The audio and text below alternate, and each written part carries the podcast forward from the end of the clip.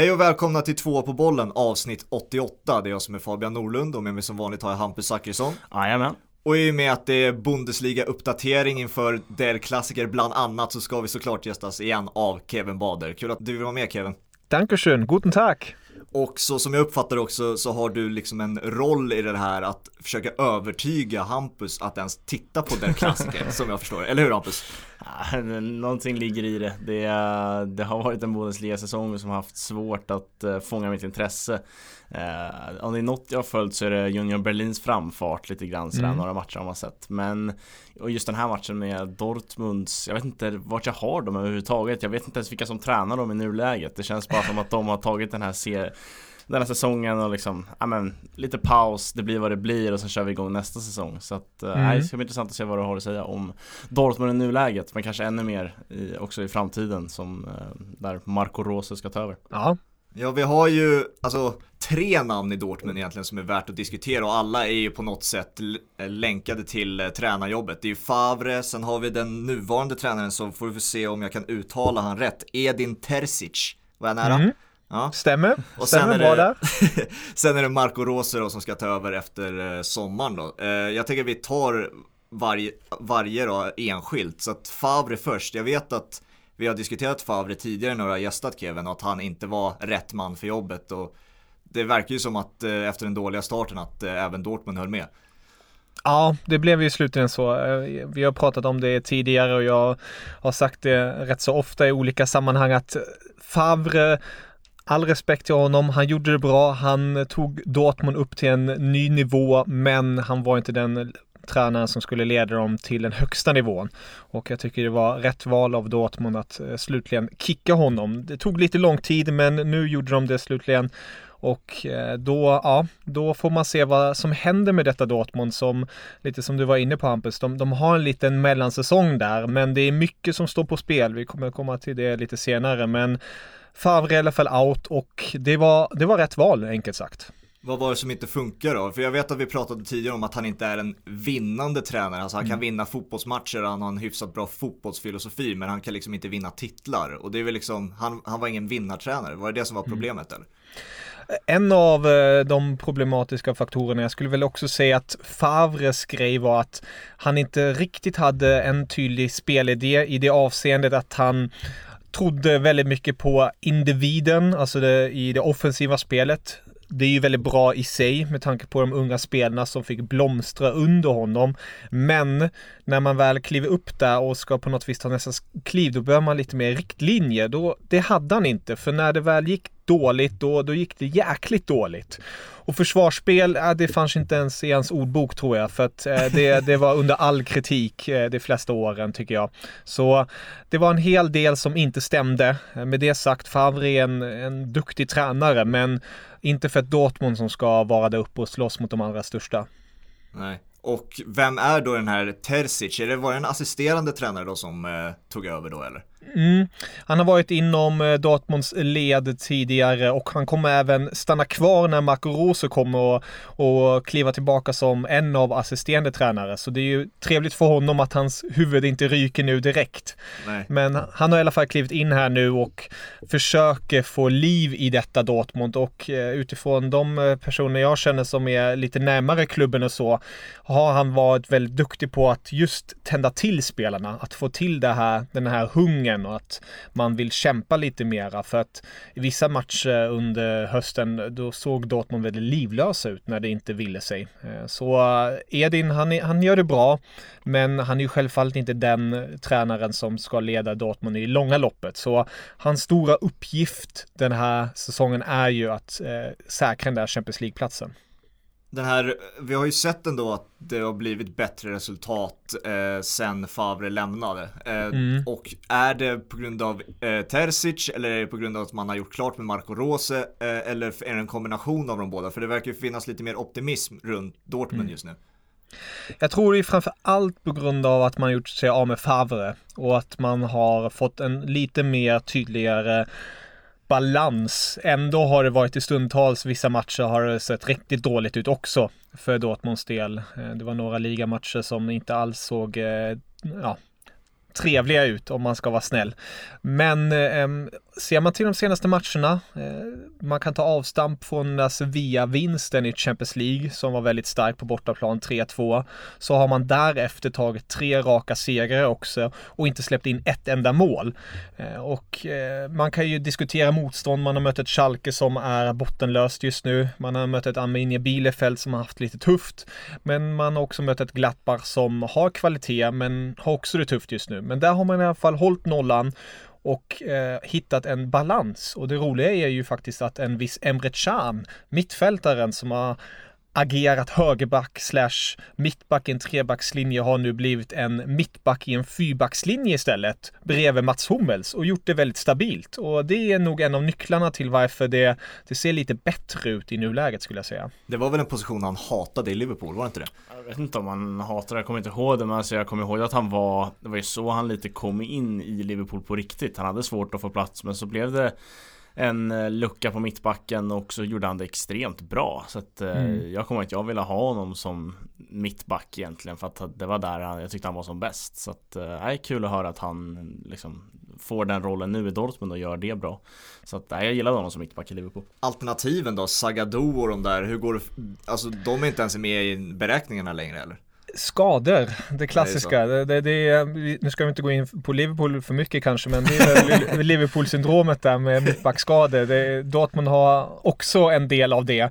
Men som tur kan allround Emre Can kliva in där och Edin Terzic, han har ju varit väldigt tydlig med att eh, Chan, det är inte hans favoritposition det här, men han är en lagspelare och vi är oerhört tacksamma att han gör det på, det på det här sättet också. För att eh, så som det sett ut den senaste tiden har det sett ut riktigt bra. Och det är ju lovande med tanke på vilken match som väntar nu.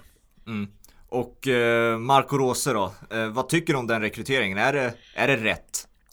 Ja, alltså med tanke på vad som finns på marknaden och med tanke på Marco Roses filosofi så känns det ju nä nästan som handen i handsken. Eh, Marco Rose som är just den här sortens Eh, Eh, offensiv gegenpressen tränare som är duktig på att bygga kollektiva lag. Han har ju också en väldigt nära relation till Jürgen Klopp, eh, Dortmund som fortfarande saknar Klopp väldigt mycket. Så de får ju en viss Kloppish in i sitt lag nu med Marco Rose. Så jag tror det kommer bli väldigt intressant att se vad han kan bygga med det här laget för att det han har gjort med Gladbach är väldigt imponerande med tanke på förutsättningarna och den, de ekonomiska musklerna. Men nu i Dortmund hoppas man ju självfallet på att han kan lyfta ännu högre och leda Dortmund till nya höjder. Han är ju fortfarande tränare i Gladbach och mm. säg om jag har fel här, men han har torskat varenda match sen han blev klar för Dortmund, mm. eller hur? Ja, ja, alltså det är, och nu i veckan också var det ett sånt här riktigt konstigt möte. De möttes i kuppen, alltså Gladbach mötte Dortmund i kuppen. Mm. Jag skrev om det och tyckte att det var sånt märkligt läge för att Marco Rose håller just nu på att, ja, man, man, kan ju prata om legacy hit och dit, men hans legacy kommer i alla fall inte vara så bra längre eh, när man blickar tillbaka. Han har gjort det väldigt bra rent objektivt, men med tanke på att han går till Dortmund han kommer ut med det officiellt redan under en säsong och Gladbach faller som en sten. Man kommer åka ur Champions League, man har åkt ur tyska kuppen, man kommer inte ta en CL-plats i ligan med tanke på ligaplaceringen. Så nej, det, det, avslutas inte på bästa möjliga sättet och jag, jag hoppades väl på ett sätt Gladbach skulle ta den där segern så att man kanske kunde ta en titel.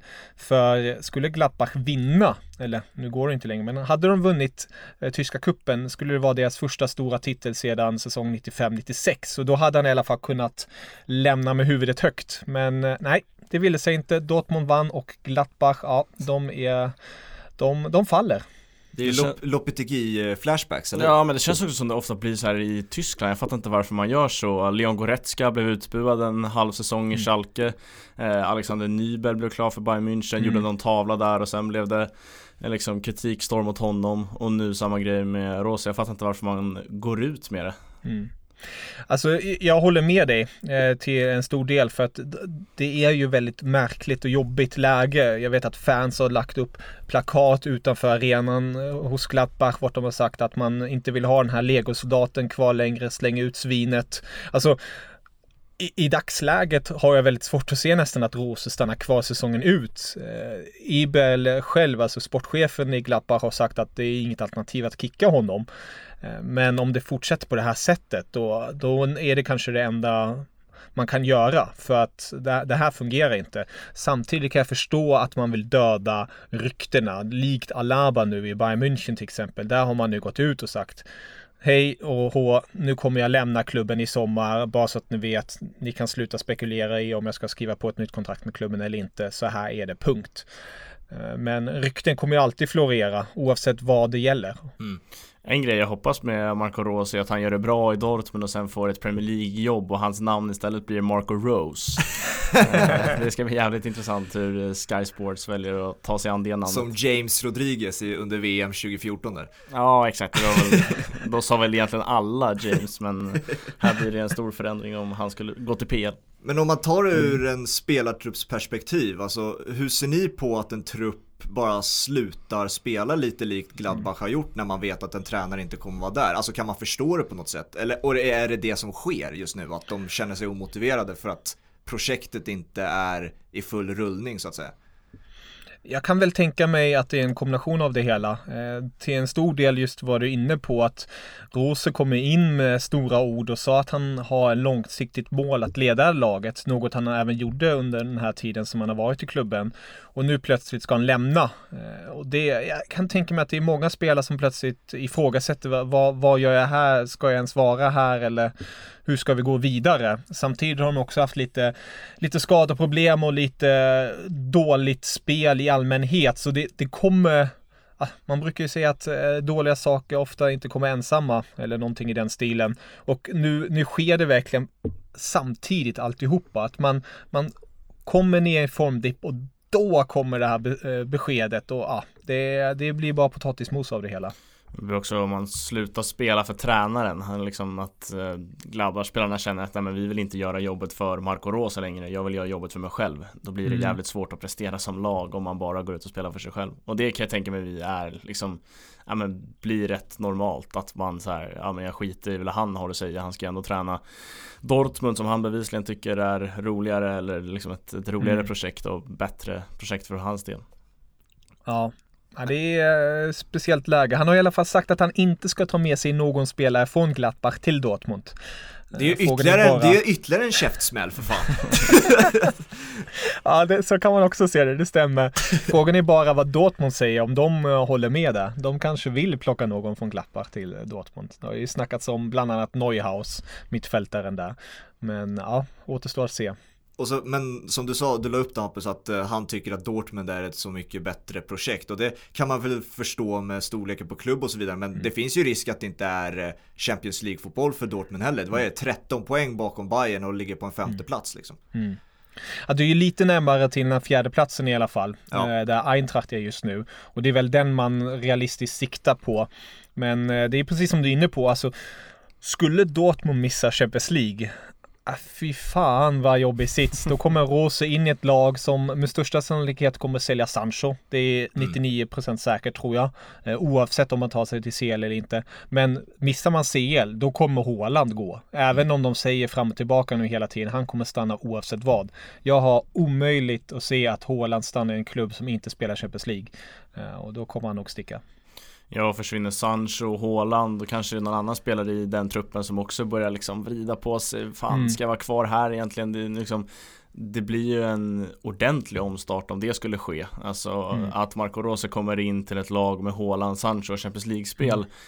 Det blir inte samma omställning som att allting skulle rasa ihop och liksom Rose får komma in i ett helt nytt gäng. Så att, mm. äh, jag tror att det är oerhört viktigt för Dortmund att gå till Champions League också för framtida värvningar. Eh, vilka spelare mm. går till Dortmund i ett Europa League Europa League-läge utan Haaland och Sancho. Det blir inte samma hylla de kan plocka ifrån. Så att, eh, mm. nej, det är eh, trots att det är lite liksom att det känns som att de lite har gett upp den här säsongen så står det ju otroligt mycket på spel fortfarande. Oh ja. Och det är där vi sen när vi kom in i klassikermötet, det är där kryddan kom in i det hela. Men alltså oavsett som eh, säsongen går, alltså det pratas ju mer än någonsin nu om Håland också. Alltså tror du mm. att det är det som är avgörande Champions League-fotbollen eller lämnar han oavsett? Hmm. Alltså så som jag har förstått det hela trivs han väldigt bra i Dortmund. Och skulle Dortmund säkra CL så skulle jag ändå säga att sannolikheten är att Haaland stannar kvar. Mhm. För då, då har han ett år kvar där han kan leverera och prestera och göra det fint. Och sen lämnar han eh, sommaren därefter med sin klausul. Men skulle han missa då, då ser jag 0 eh, procent chans att han stannar kvar med tanke på hur eftertraktad han är. Mm. Det är ju, Bildt var ju ute senast och sa att det är Liverpool, City, United eller Real Madrid som gäller för hans del. Eh, Chelsea slängde de iväg en eh, känga på och sa att de vill inte göra ett mellansteg, de vill gå till en toppklubb direkt. Eh, så så vi, vi får se vart den gode norrmannen hamnar. Framförallt när Haaland såg ut att tända till sådär som Cristiano Ronaldo brukar göra när han får höra Champions League-hymnen Mm. Så förstår man ju vad den, liksom, den kuppen gör med honom som spelare Det, det sägs ju att innan varje träning sitter han i sin bil och lyssnar på Champions League-hymnen bara för att tagga igång. Eh, och det, det skulle inte förvåna mig om det är så, för att han är ju en form av dåre och Ja. eh, levererar på den här nivån. Alltså han har nu den här säsongen gjort 27 mål på 27 matcher. Det är, ja.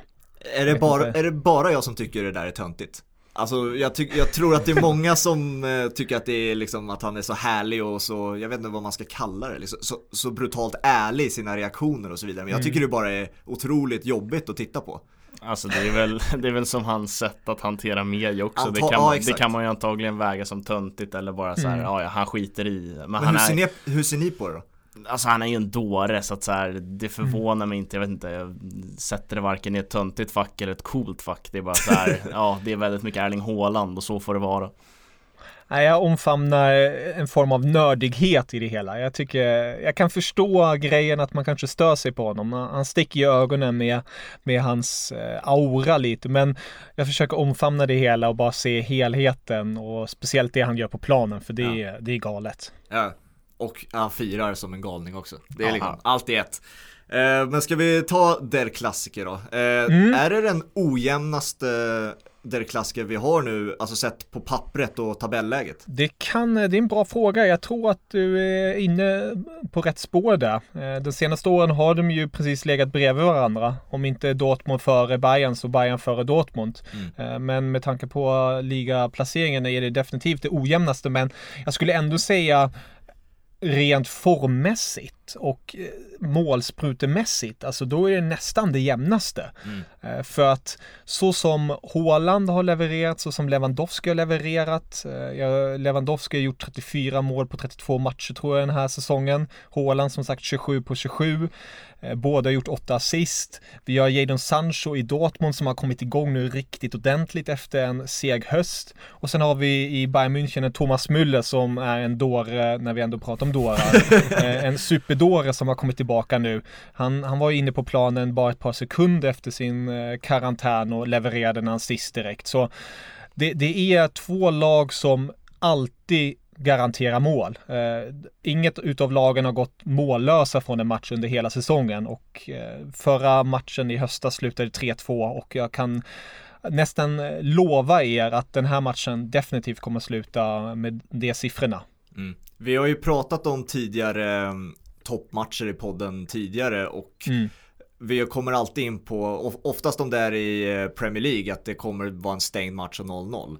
Eh, och det är därför jag tippar alltid 0-0 i toppmatcher. Men det, det, känns, det känns annorlunda i Bundesliga. Det är väl det som är det härliga också. Mm. Ja, det, det är ju det. Det är därför jag älskar Bundesliga extra mycket. Så jag älskar Bundesliga eh, på grund av mycket. Men just det där du är inne på, när det väl är toppmatch, då, då känns det nästan som, som att man växlar upp ännu mer. Ja. Jag tänkte på matchen nu, Bayern München-Leipzig i höstas, som också var en sån där galen tillställning med mycket mål. Alltså, det sker alltid något galet och eh, det ena laget vill alltid överträ- överträffa det andra laget rent offensivt. Så mm, det här är en riktig fin tillställning och som vi var inne på, för Dortmunds del gäller det så jäkla mycket. Man måste ta den där CL-platsen. Eintracht Frankfurt förlorade senast. Nu har man chansen att på något vis klättra och närma sig dem. Eh, samtidigt har man ju ett Wolfsburg och ett Leipzig där uppe som, som gör det jäkligt bra. Så jag tror plats två och tre blir svår att nå. Men just den där fjärde platsen, den vill man ju verkligen nå. Och sen väntar ju också Champions League-spel kommande vecka mot Sevilla. Så det är, det är mycket som, eh, som står på spel betyder väl ändå också en hel del för Bayern München har ett Leipzig som jagar dem Alltså vid det här mm. laget brukar ändå vara en 5, 6, 7 poäng ännu mer än så Nu, nu är det jämnt där uppe istället mm. och eh, en förlust här skulle väl göra att Leipzig kan gå om eh, mm. Om jag inte är helt ute och ja, cyklar mm, Två poäng som skiljer dem åt så skulle Bayern förlora och Leipzig ta det så då är ju Bayern på plats två och det vill man ju verkligen inte vara. Eh, och eh, nu med en galning med Thomas Müller tillbaka och sen har man Joshua Kimmich också i laget. Det är, det är sådana där typer som, de vill ju vinna allt. Alltså det, det, spelar ingen roll och speciellt i en sån här match vill man ju verkligen slå till och visa vilka som är störst i Tyskland. Så Ja, nej, jag, jag blir extremt taggad när jag tänker på det. Eh, det. det. är verkligen en av höjdpunkterna under säsongen tycker jag. Jag hittade också en krydda i att det har gått att rucka på Bayern München Det har mm. gått att liksom få dem i gungning Kan Arminia Bielefeld få det på Allians mm. Ja men då är det klart att Dortmund mm. har stor chans att göra också Så att de är ju De är ju suveräna och grymma på alla sätt Men den här säsongen är inte på samma nivå riktigt och det mm. har det har gått att ställa till trubbel för dem så att eh, det ska bli verkligen intressant om eh, Håland kommer ut från den här Champions League-ögonen så finns det ju all chans att liksom ställa frågor till Bayern München. Oh ja, och precis som du är inne på där, det, det är ju försvarsspelet som har varit lite lite ruckigt i Bayerns led. Man har ju den där högerbackspositionen. Pavad hade en tung höst. Eh, han har kommit in i det lite mera. Sen har han åkt på corona. Nu är han dock tillbaka, är dock osäker till spel om han riktigt är redo för att eh, hoppa in och spela 90 minuter. Det har ju då Niklas Syle spelat istället. Och eh, all respekt till Niklas Syle. Det fanns ett par sekvenser vart han plötsligt visade på sambatakter men han är ju i grunden ingen högerback och det har man sett väldigt tydligt.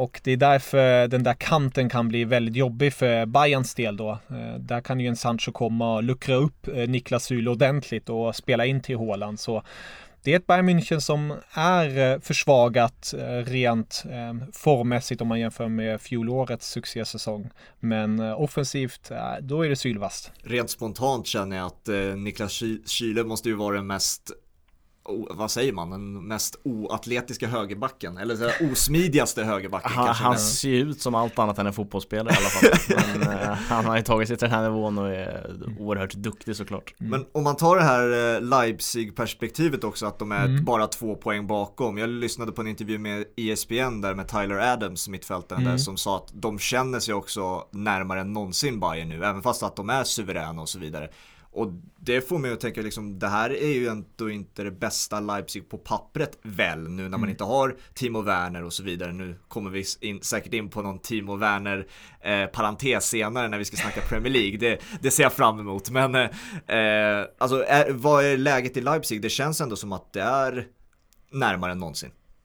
Ja, det tycker jag. Ehm, du är inne där på en eh, grej som har det pratas väldigt mycket om självfallet med tanke på Timo Werners eh, bortgång tänkte jag säga.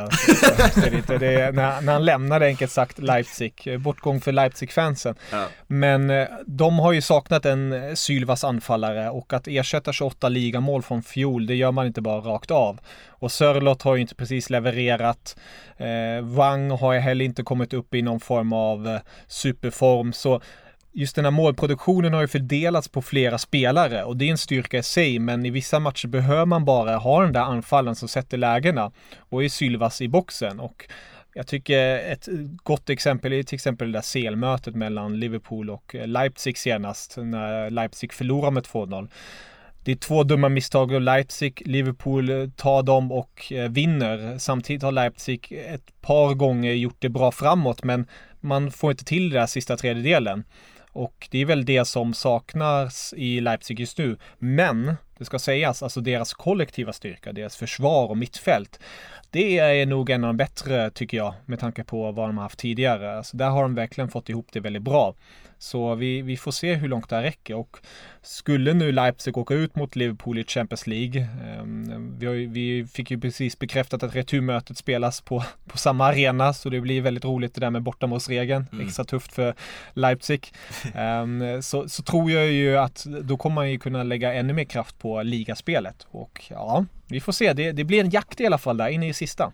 Mm. Ja, de stod ju för en helt brutal vändning eh, mot Gladbach och Mm. Eh, det jag framförallt tänker på det mötet att Emil Forsberg höll på att göra världens bästa inhopp där han mm. kommer in och tar en frispark från 28 meter och Jan Sommer egentligen rånar han på det målet. Eh, mm. Otrolig räddning. Eh, vi satt och kollade på den matchen, helt sjukt att han bara går in, tar den frisparken och får på den träffen. Jag kände att nu, där gick ju baksidan eller någonting. man går inte in och skjuter en sån frispark det första man gör, men nej. Emil Forsberg är också en spelare som, alltså Trots att han ändå kommit lite i skymundan av de här svenska mm. spelarna som är i bra form på grund av att Isak och Zlatan går så jävla mm. starkt. Uh, alltså att han är en spelare man verkligen ser fram emot till EM. Mm. Ja, jag instämmer. Han har ju varit en nyckelspelare i Leipzig. Han gjorde ju bland annat ett mål där mot Bayern München och stod för assist också. Så han, han är definitivt en nyckelfigur i detta Leipzig när de väl får igång ångan. Och han kommer nog med största sannolikhet få spela en hel del nu när han är tillbaka från skadan. Innan vi rör oss mot andra toppmatcher i eh, helgen då så måste vi ju också tippa och berätta vad vi ser framför oss nu när vi har Der Klassiker framför oss. Eh, först och främst matchbild då. Vad, är det bara rock'n'roll i 90 minuter eller? Jag kan tänka mig Bayern bollinnehav en del i, i början. Klämma och känna lite. Men sen till andra halvleken kommer det bli lite mer rock'n'roll. Och eh, jag skulle väl säga att det blir 4-2 för Bayern. Uff. Mm. matchbilden lägger jag mig inte i, där, där tror jag på Kevin. Eh, men eh, resultat, eh, satt och tänkte lite innan och 3-2 och Kimmich avgör. Känns som han alltid gör mål i de stora matcherna. Ja. Nej, jag håller med. Jag ska inte ifrågasätta matchbild, men jag ifrågasätter resultat och jag tror inte tror, jag hoppas, jag tippar på min förhoppning nu att Dortmund tar hem det och att det blir att Leipzig kliver upp på första plats så att det blir en riktigt jävla spännande slutspurt i Bundesliga för en gångs skull. Eh, det, det är ju här någonstans det brukar avgöras i Bundesliga. Det är nu de eh, som eh, brukar kämpa om titeln tillsammans med Bayern tappar det. Och det hade varit trevligt om vi börjar våren med att Bayern ligger tvåa och så kämpar man därifrån. Mm. Definitivt. Ja. Men eh, har han gjort sitt jobb Kevin? Eh, har du blivit mm, ja, mer taggad Hampus? Jag, jag kollade vilka andra matcher det fanns att välja på. Det, det är klart att det blir en eh, Det blir nog, alltså starta Jack Relish eh, för Aston Villa så blir det en dubbelskärm. Men eh, självklart kommer det klassiker att eh, vara på minst en skärm. Det är sjukt att Jack Relish tar aj, alltså aj, aj. över en hel jävla match alltså. Alltså så sjukt är ju FPL också. Äger man Greller så han startar så måste man hålla koll på sina grejer. Men nej, det är klart att eh, Dortmund, eh, München har, har fått mer kryddor efter den här halvtimmen än vad jag, vad jag såg framför mig innan. Så att eh, den ska ses. Ja, kul. Bra kämpat Kevin. eh, vi rör oss mot England då och innan vi tar Manchester-derbyt som vi ska ha halv sex på söndag då så måste vi ändå ta Chelsea-tyskarna. Eh, mm. och eh, jag är väldigt nyfiken på att se vad du har att säga om det för att eh, det var ju inte bara du Kevin som var taggad på Kai Havertz mm. och Timo Werner alltså, i Chelsea. Det var ju jag, Hampus och många andra Premier League-fan, alltså som älskar Premier League, såg ju fram emot mm. att få se de två bästa tyska talangerna i Premier League för en gångs skull. Liksom. Mm. Eh, vad är det som har gått snett enligt dig? Uff, um, det, det, är många faktorer. Om vi börjar på, hos Kai Havertz då är det ju det är ju en spelare, jag tror jag sa det också i något sammanhang, alltså det, det går inte att få in honom fort, alltså det är svårt mm. att få in en sån spelare som ska vara ett nav i ett lag om man ska fungera som bäst. Eh, släng in då att han hade corona under hösten och hade det väldigt tufft så gör det, gör det inte mycket lättare för hans del. Eh, samtidigt tycker jag ju, och det har ju diskuterats fram tillbaka väldigt mycket, Frank Lampards sätt att leda laget och hur han bestämde sig att eh, ställa upp laget och där tycker jag att Kai Havertz fick en väldigt märklig roll helt enkelt. Och jag hoppas väl på att han nu på något sätt har kommit mer in i laget. Jag tycker Klopp i en intervju med Nagelsmann faktiskt för någon vecka sedan eh, sa någonting väldigt väldigt bra. Han brukar säga väldigt många konstiga saker men han säger också väldigt bra saker då och då. Um, och det var ju framförallt att den här inskolningsperioden vanligtvis, alltså att när man får in nyförvärv i laget. Eh, man pratar alltid om att man ska akklimatisera sig hitan och dittan. Och det, det stämmer ju väldigt mycket, men det blir extra speciellt nu dessa tider vart spelare inte kan umgås med sina lagkamrater lika intensivt. Alltså man går in i omklädningsrummet, byter om snabbt, sen måste man gå ut igen. Man kan inte hänga på samma sätt. Och det menar Klopp på att det har till exempel en Thiago haft mer svårigheter med att komma in i laget. Inte att han har varit utstött eller så, men man måste ju ändå få, få vara nära sina lagkamrater för att verkligen lära känna dem på bästa möjliga sätt. Mm. Och det har ju gjort så att en Kai Havertz och Timo Werner har blivit mer i tyskfacket med Rüdinger kan jag tänka mig mer och mer. Och det underlättar ju inte det hela. Så Kai Havertz hoppas jag ju på att han kommer mer in i spelet. Eh, Tuchel har ju full koll på honom och vet ju hur man ska använda honom så att jag hoppas ju att han skolas in i den rollen mer och mer allt eftersom. För Timo Venas del, eh, jag gillar honom väldigt mycket. Eh, han är inte samma talang, eh, om man nu ska snacka om talang eh, i detta sammanhang, som Kai Havertz. Han är ju verkligen en spelare som behöver eh, speciella riktlinjer. Han behöver att spelet Ehm, formeras lite mer efter hans eh, styrkor och svagheter. Och eh, jag tyckte ju redan från början att han valde Chelsea framför Liverpool. Eh, nu, kan, nu var det inget större val för att Liverpool inte la ett bud sen. Men att, just att han gick till Chelsea gjorde det ju mycket svårare med tanke på hela filosofin och sånt. Och med Tuchel in underlättar det inte så mycket heller. Ehm, jag tror dock att Tuchel har rätt eh, verktyg till att eh, luckra upp honom på ett bättre sätt. Men eh, jag tror alla dagar i veckan hade Werner passat bättre in i ett Liverpool-Klopp än ett Chelsea-Tuchel. Mm. Det tror jag ingen eh, kommer riktigt eh, argumentera mig emot på det sättet. Så ja, vi, vi får se och hoppas. Jag hoppas verkligen att speciellt Kai Havertz att han långsamt och försiktigt kommer in i det hela. Jag tycker det blev fel redan från start när Frank Lampard skulle liksom experimentera med vart de var på plan. För att absolut att Timo Werner och Kai Havertz är bra fotbollsspelare som går att använda på flera positioner Men de har ju mm. två respektive ganska tydliga positioner där de ska spela Timo Werner är en striker mm. Han ska vara liksom nia och Kai Havertz gillar ju att ligga i fickan som en tia. Eh, Och sen mm. skicka ut dem på kanter hit och dit. Absolut, det är klart att de klarar av det men det blev inte lika bra. Och sen Nej. liksom fick de börja där och därifrån fick de en ganska dålig start och så ska man komma in i det i en, i en ganska tuff Premier League-säsong. Så att äh, det blev, de hamnade liksom snett in på det från början men jag, jag tror fortfarande, alltså jag tycker Timo Werner man ändå börjat se lite tendenser av honom att mm.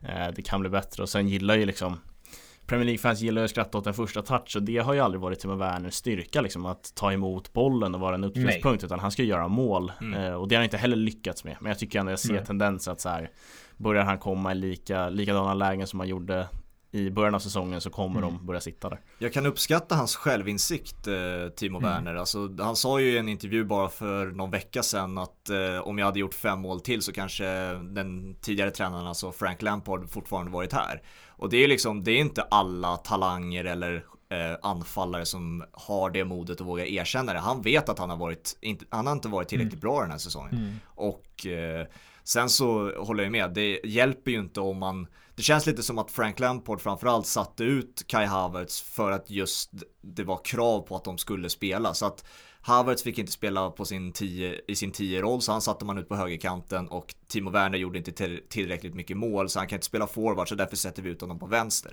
Det, mm. det var liksom så Frank Lampard försökte lösa det. Ja, det var väldigt sorgligt för Franks del då framförallt då. Eh, så vi får väl hoppas att Tuchel hittar in i det rätt. Eh, talang finns det ju där, kvalitet finns det verkligen där. Så vi får hoppas att det snurrar igång snart. Mm. Nu har ju den matchen redan spelats när vi släpper avsnittet men eh, vilken tysk tror du tar hem det mellan Tuchel och Klopp? Och får vi se ja, några det... tyska målskyttar? ja, det är ju fantastiskt. Jag, jag njuter ju av att Eh, Eh, den tyska tränarkåren eh, är på de stora fina scenerna, eh, både i Champions League men även nu i Premier League. Och det är ju en speciell duell som sagt, när, när det här släpps så vet ni ju redan resultatet, men jag tycker det är kul. Kul med, med Klopp och Tuchel, mycket gemensamma nämnare där, med både steg upp, första A-lagskontraktet om man säger så som tränare var ju Mainz Sen gick ju båda två till Dortmund därefter. Men är ju också väldigt olika, det är det som är det roliga. Tuchel kommer ifrån eh, Rangnick-skolan mera. Eh, jag vet inte om ni har hört den historien, Torshäll och eh, hur han startade sin tränarkarriär. Nej. Nej, berätta den. Ja, det, det är ju så att eh, Torshäll var ju spelare i Ulm som Rangnick tränade. Men med 24 års ålder så skadade sig Torshäll eh, allvarligt i knät då, så han avslutade sin karriär. Och sen när Rangnick var i Stuttgart så uh, pushade han honom. Uh, jag såg något citat, uh, ett uttalande av Rangnick som sa att ah, Tuchel, han, han vill ju inte bli tränare egentligen. Det var ju tack vare mig. Han jobbar ju på någon bar eller någonting sånt. så så han pushade honom så att han kom in i ungdomsverksamheten i Stuttgart. Eh, och började sin eh, tränarkarriär där helt enkelt under, under Rangnicks vingar. Eller som man kallar det i Tyskland, eh, fotbollens gudfader Ralf Rangnick. Och sen därefter gick han ju då till Augsburg och från Augsburg gick han till Mainz U19-lag. Vann faktiskt med dem första säsongen direkt då A Junior Bundesliga och fick då chansen av Christian Heidel, sportchefen i Mainz, som även gav chansen till Klopp att ta över Mainz A-lag. Så ja, där, där kom det. Det finns väl, ändå, finns väl ändå en koppling där mellan Torshäll och Klopp även där. För han slutade ju sin eh, spelarkarriär i Klopp och eh, försökte rädda kvar Mainz när han mm. tillhörde trupp, truppen så att säga. Mm. Ja precis, alltså det finns ju många likheter på det sättet.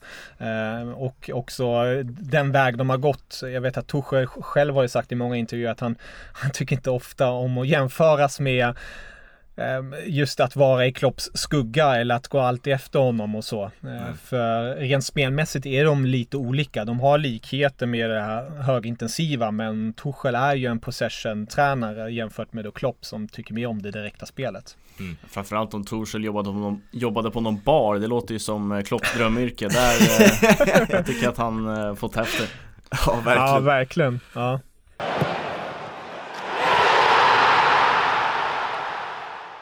Vi sitter här i våra smasha tröjor. Jävligt snygga måste jag ändå säga, eller hur? Mm, snygga och sköna framförallt. Verkligen. Eh, Det är, det är viktigt när man ska spela paddel Sport överlag så vill man ju ha sköna funktionströjor. Det har de på smasha.se så att, det är grymt sköna. Mm, Och eh, jag har ju varit dålig på att spela paddel men eh, Jag har ju börjat steppa upp mitt game och det är liksom det, är det här som eh, det är det här som är avgörande liksom. Inte bara liksom suget av att spela en ny sport utan du måste ju liksom få en kickstart på det och då är ju kläderna liksom det man tittar på framförallt. Ja verkligen och det är ju inte lätt nu för tiden att hitta tider. Hela, hela Sverige spelar ju paddel. Eh, mm. Så då, ja, men då är det en bra start att uh, införskaffa sig lite snygga kläder så man känner suget för att komma ut på banan. Exakt, det är som att köpa nya fotbollsskor liksom. Verkligen. Test, ni som är fotbollsintresserade, testa köp fotbollsskor och inte vilja gå ut och spela med dem. Nej men exakt, verkligen. Så att uh, smasha.se är det som gäller två pa bollen för 25% eh, rabatt. Löjligt. Ja, löjlig rabatt. Så att det, det är inget att, äh, inget att fundera på egentligen. Det är bara in och eh, shoppa loss helt enkelt. Gör så på smasha.se. Två på bollen är i samarbete med benskyddsföretaget Monolit. Och du vet ju hur det är Hampus med benskydd numera. Att det är ju liksom inte coolt att ha benskydd längre. De ska vara så små så, som möjligt och man ska egentligen inte märka dem på fotbollsplan. Det är, det är så man ser på benskydd numera. Men Monolit har verkligen ändrat på det och vill verkligen nu att det ska vara skönt men också Alltså man ska vilja ha de här benskydden på sig när man spelar fotboll. Man känner sig inte direkt 100% utan dem. Man känner hur liksom ja, bli en bättre fotbollsspelare med de här benskydden tycker jag. Eh, lätta, sköna att ha på sig. Eh, det var ju det ofta det liksom, man behövde ju springa och ändra och ha sig.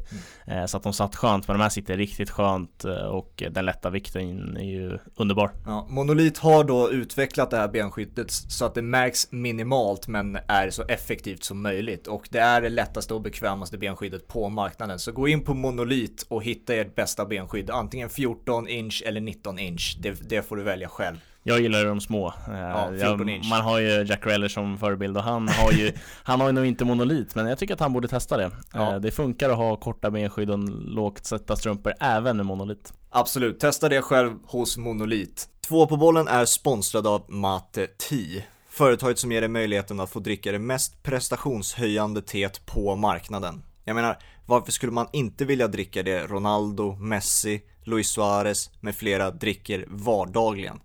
Köp ditt mate-te på mateti.se och använd koden 2PABOL för 10% rabatt på alla produkter. Tack Mate Tea!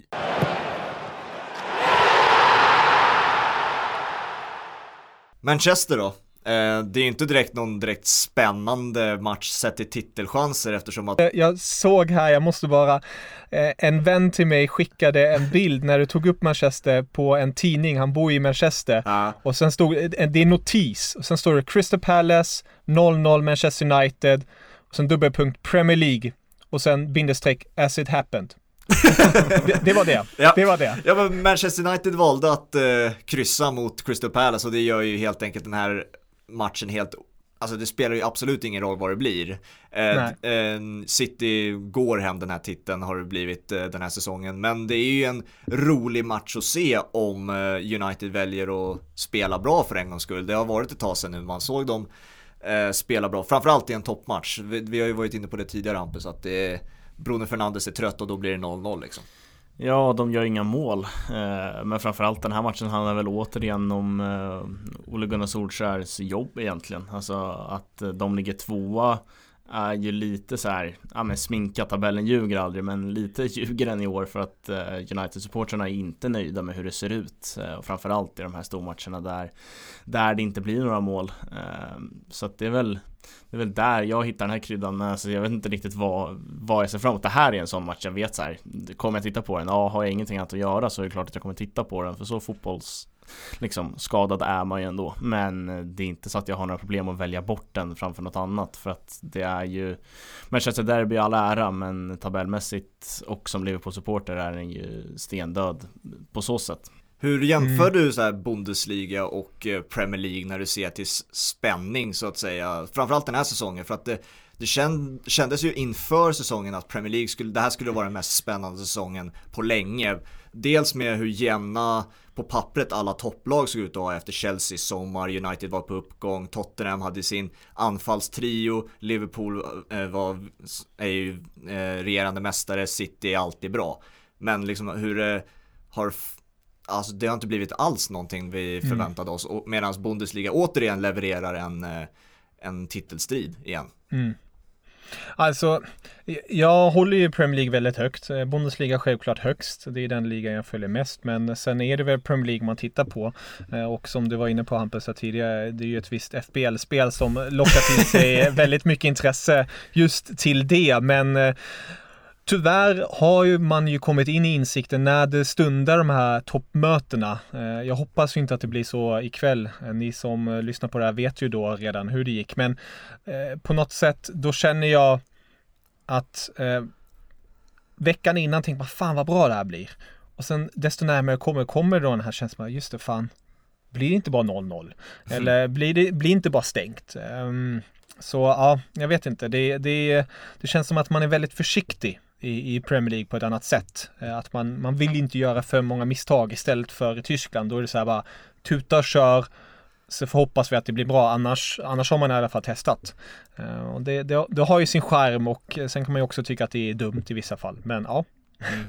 Jag, vet, jag såg en intervju med Paul Scholes här att han eh, han, eh, det får vi se vad du tycker också Hampus, att eh, Thiago, som du har jättebra koll på från Bayern München eh, Kevin, alltså han hade passat mycket bättre i ett Manchester United än i dagens Liverpool, eh, vad jag hörde. Eh, jag vet inte, vad, vad håller ni med?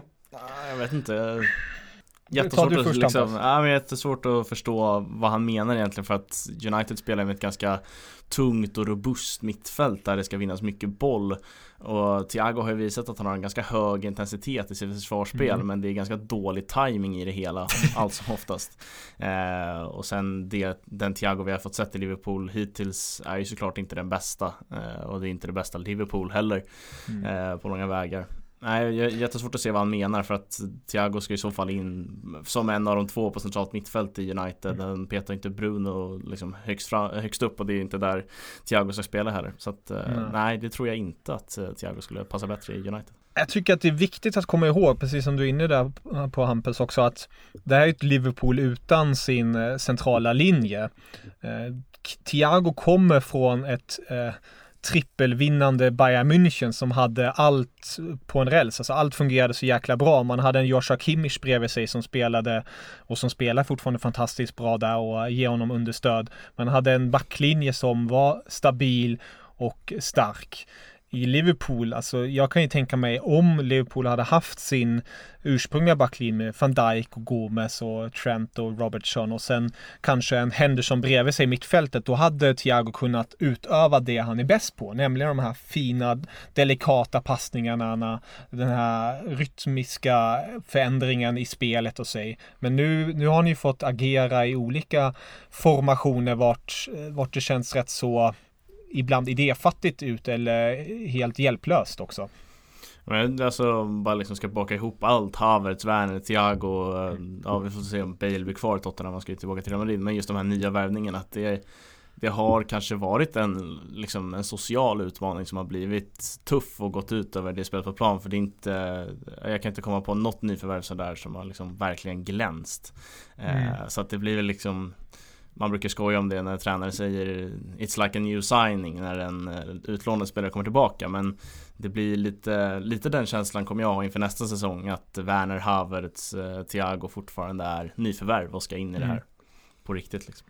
Mm. Ja, jag håller med där. Jag håller med. Det är väl kanske bara Dia som, eller kommer ja. ni i somras? Ja, det Men det är, han är väl undantaget som bekräftar regeln. Ja, exakt. Uh, så det, det är väl så. Ja men Diaz är en spelare jag ser fram emot i det här Manchester Derbyt och en spelare jag liksom Ja men kanske väljer att punktmarkera lite eh, med hur jag tittar på den här matchen med tanke på att man kommer vara rätt inställd på att det kanske inte blir någon målfest och då mm. verkligen se hur han agerar för att jag tycker att han eh, Alltså jag har inte punktmarkerat han så men jag tycker att han är Premier Leagues bästa spelare så här långt och det talar ju statistiken för. Eh, och bara liksom, det är sällan man tittar på en mittback och i den här matchen kanske man får chansen att verkligen få se en mittback i flera aktioner och göra det bra. Mm. Jag tycker trenden är konstig helt plötsligt att eh, nu håller jag ju med dig, Ruben Diaz har varit fantastisk, även Van Dijk var, han var ju Ballon d'Or bra, men alltså trenden att mm. man har uppskattat mittbackar helt plötsligt. Det har inte varit någonting man har gjort tidigare, eller? Nej, inte på samma sätt. Nej, jag håller med. Det är väl enstaka man alltid har hyllat, så här Fabio Cannavaro eller försvarare som Maldini och Materazzi och Sergio Ramos. Men eh, i det stora hela har ju försvararna inte fått det samma fina ljus på sig som anfallarna. Nej, det är bara att titta på Maguire och Lindelöf liksom som ska som har det lite tufft då och då. Ja, fan. Ja, vad, vem är, det är väl inte så svårt att tippa kanske vem som kommer få det tuffaste av de där eh, mm. mittbackarna och eh, vem som tar hem, eh, tar hem matchen i Manchester Derbyt. Men om, jag gissar att vi alla tippar Manchester City vinnare, men är det någonting ni extra ser fram emot? Jag tycker det ska bli intressant att se om Bruno Fernandes, han har ju eh, hyllats eh, hittan och dittan med all rätt, men han har ju oftast i de här stora matcherna inte precis blomstrat till alltid. Det ska bli intressant att se om han, han lyckas den här gången. Mot Chelsea hade han ju tufft, då stängde man igen honom riktigt ordentligt. Uh, ska se om han lyckas mot då Gundogan och kompani där i, mm. mot, i City. Så, så det, det, ska jag sätta ögonen på. Så att uh, Kate sa att han var världens bästa spelare? Bruno Fernandes? Ja. Jag vet inte varför, ja men Kate ser inte ens ut som Kate bör se ut längre, så att jag, jag vet inte om jag litar på den nya Kate, hans, eh, hans frisyr är obehaglig på något sätt uh, Nej men det är såklart fel Okej. Okay. trist, trist att han uh, ska hålla på med sådana uttalanden. Men nej absolut, Bruno Fernandes är en uh, spännande ingrediens i den här matchen. Och se vad han kan uträtta. Ruben Diaz en annan. Jag vet inte, det är, det är nog det jag ser fram emot. Och sen avgör väl Gündogan med ett hattrick och alla, alla som har en FBL får dansa natten lång. Ja, dina, dina tyskar samlar på sig i alla fall väldigt fina säsonger inför EM i alla fall. Så att det kanske mm. finns någonting att se fram emot Kevin Ja, kanske det. Det är mycket tysk fokus i alla fall, så det är jag glad över. Ja. Även om det är negativt, så det finns något där. Nej, jag ska vara helt ärlig, jag ser inte fram emot någonting. Så att eh, vi rör oss vidare mot Madrid. eh, och eh, avslutar i Madrid eh, och där är ju kanske den mest spännande matchen, eh, både sett till tabell, sett till vad vi faktiskt får se. För att jag har absolut ingen aning om vad vi får se av vardera mm. lagen. Mm. Atletico har varit så mycket fram och tillbaka de senaste veckorna och Real Madrid som Kviborg var inne på i förra veckans avsnitt, alltså en tjock Isco, en klappkass Mariano liksom. Vad, vad är det för Real Madrid vi kommer få se liksom? Förra, alltså förra matchen, förra Madrid-derbyt den här säsongen så liksom klev ju Simeone i sin egna fälla likt det han gjorde mot uh, Chelsea att han mm. tog hem alla mannar och skulle försvara en 0-0 och då trängde Real Madrid igenom två gånger om. Uh, så att jag tror och hoppas att han har lärt sig av det och verkligen går ut och attackerar den här matchen istället. Uh, för att då har Atletico Madrid varit bra den här säsongen med Suarez, Marcos Llorente och liksom det målskyttet. Trots att Suarez gör mycket mål så är ändå målskyttet stor spridning på det. Eh, så att jag hoppas att Atletico går ut och attackerar den här matchen. Och Real Madrid jättesvårt att säga vart man har dem för att de eh, gjorde en ganska svag match mot Real Sociedad och det får man någonstans förstå med den skadeproblematiken de har mm. men eh, nu måste de liksom ja det här är väl sista chansen de har försöka ta den där titeln och en Atletico Madrid seger här skulle ju verkligen eh, ger dem ett stort kliv mot titeln. Så att, eh, det är härligt med titelstrid i ett Madrid-derby. Mm. Ja, jag instämmer. Det blir oerhört intressant. Just den här aspekten som du är inne på Hampus, att de förhoppningsvis vågar attackera Atletico Madrid. De har ju visat på en sprudlande fotboll under hösten, haft det lite knackigt. Eh, nu senast vann de ju mot Villarreal så det är ju skönt för dem. Eh, men Real, ja, utan en Sergio Ramos. Nu såg jag att han var tillbaka i träning, så vem vet, han kanske till och med är på planen på söndag. Det, det vet man aldrig, men det skulle nog hjälpa väldigt mycket.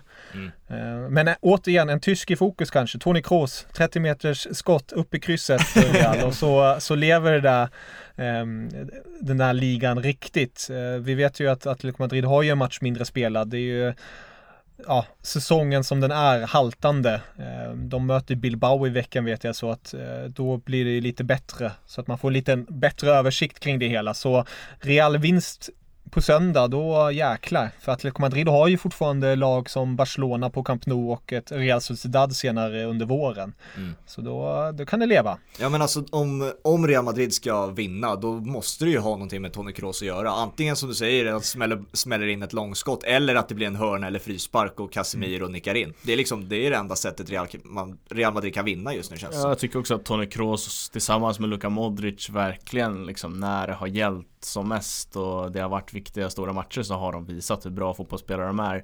Men sen mm. har de också kommit till den åldern att de inte kan vara på den nivån varje match. Men när det betyder som mest då kliver de fram. Så att äh, de tror jag blir oerhört viktiga för Real Madrid i den här matchen. Har inte Tony mm. Kroos mm. fått äh, årets tyska spelare några säsonger nu? Eller vem är det som är rankad högst äh, i Tyskland?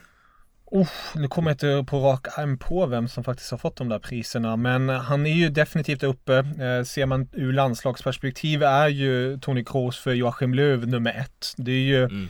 eh, under Löw som Tony Kroos har kommit fram i landslaget och eh, på grund av att Löw har suttit där i en halv eh, decennium eller halv evighet rättare sagt så har ju Tony Kroos bara haft en landslagstränare ja. i Joachim Löw. Eh, så han är ju väldigt högt rankad där. Ehm, annars är det ju ja, de, de senaste åren har ju Thomas Müller varit där uppe och nosat när man tittar rent sportsligt. Eh, men eh, ja, Tony är ju den där eviga Real-spelaren nu för tiden. Han gjorde sin 309 Real-match om jag inte helt misstar mig och är ju just nu den tyska spelaren som har spelat flest matcher i Real Madrid. Mm. Eh, och det är oerhört imponerande. På tal om Löv, jag såg att du eh du eh, twittrade om det bland annat att eh, Jogge Löw håller på att krypa till korset och ta hem eh, Müller och Hummels eller vilka det nu är som inte mm. är välkomna i tyska landslaget längre men att de mm. är på, på väg till ett EM ändå.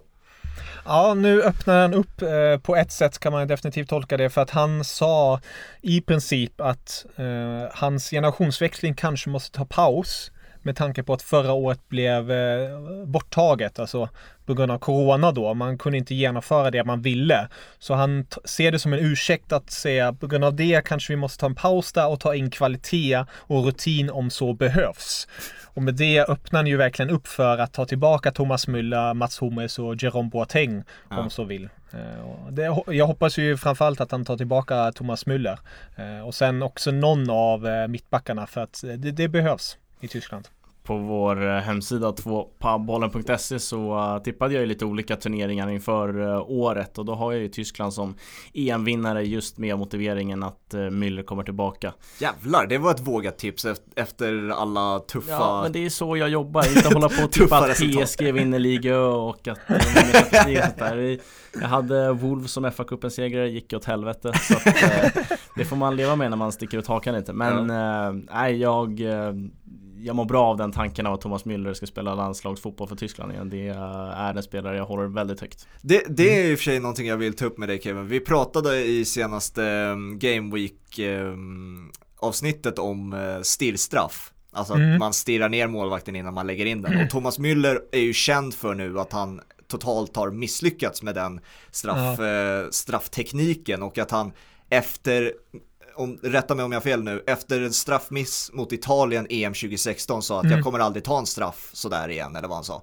Ja, det stämmer. Ja. Eh, och det, det, är, det är väldigt roligt med Thomas Müller. Han, är ju, han har ju alltid sina sätt att agera och eh, han är, ja, det, det, det är en speciell filur det där. Eh, det är, han har ju precis nu startat upp riktigt ordentligt satsat på eh, hästbranschen så att säga. Födde upp hästar, hingstar med sin fru Lisa. Eh, så det är väldigt roligt. Man kan ju följa hans eh, eller abonnera på hans nyhetsbrev. Det är fantastiskt